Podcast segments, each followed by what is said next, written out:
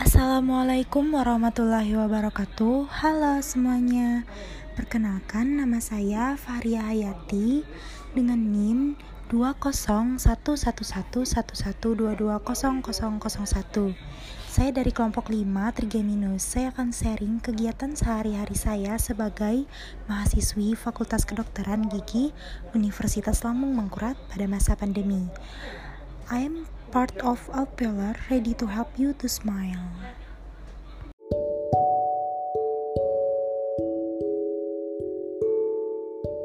Assalamualaikum warahmatullahi wabarakatuh. Halo semuanya. Perkenalkan nama saya Fahria Hayati Dengan NIM 201111111220001 Saya dari kelompok 5 Trigeminus saya akan sharing kegiatan sehari-hari saya sebagai mahasiswi Fakultas Kedokteran Gigi Universitas Lambung Mangkurat pada masa pandemi.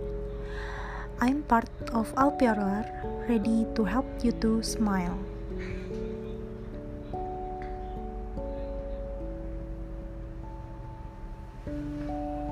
Pandemi COVID-19 telah berdampak pada hampir seluruh sektor kehidupan. Sektor pendidikan pun mau tak mau harus menyesuaikan diri. Jadi, jadwal tahun ajaran dan penerimaan mahasiswa baru menjadi tergeser. Proses penerimaan mahasiswa baru jadi terganggu. Perkuliahan tatap muka untuk sementara diubah menjadi perkuliahan daring, sembari menunggu redanya pandemi COVID-19 ini. Demikian juga yang dialami oleh mahasiswa Fakultas Kedokteran Gigi Universitas Lambung Mangkurat. Saat merebaknya pandemi dan meningkatnya kecemasan, mayoritas perkuliahan diliburkan dan sebagian diubah menjadi kuliah daring. Akan tetapi, seperti halnya perkuliahan, adapun aktivitas perkuliahan yang tidak mungkin diganti menjadi daring seluruhnya, yaitu skill lab, praktikum, dan OSCE.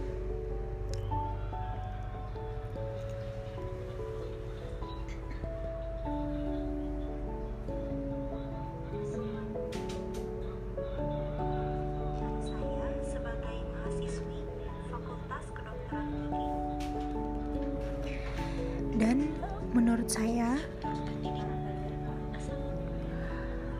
kuliah daring ini memberikan pengalaman yang sangat luar biasa. Dengan adanya perkuliahan daring, kita lebih sering beraktivitas di dalam rumah.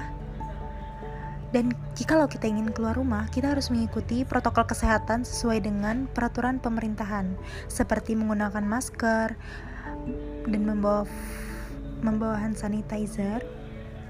Dan jangan lupa setelah keluar kita harus cuci tangan dan cuci kaki dengan menggunakan sabun. Setelah itu ganti baju dan perbanyak minum air putih.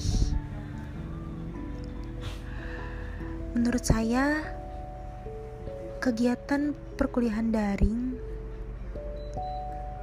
mungkin sangat berbeda dengan perkuliahan offline karena saya tidak tahu seperti apa rasanya kuliah offline.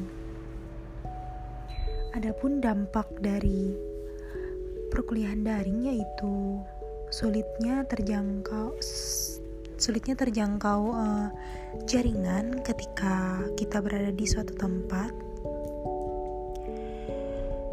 dan banyak sekali dampak dari kuliah daring ini Mungkin itu saja yang dapat saya sampaikan. Mohon maaf apabila ada kesalahan.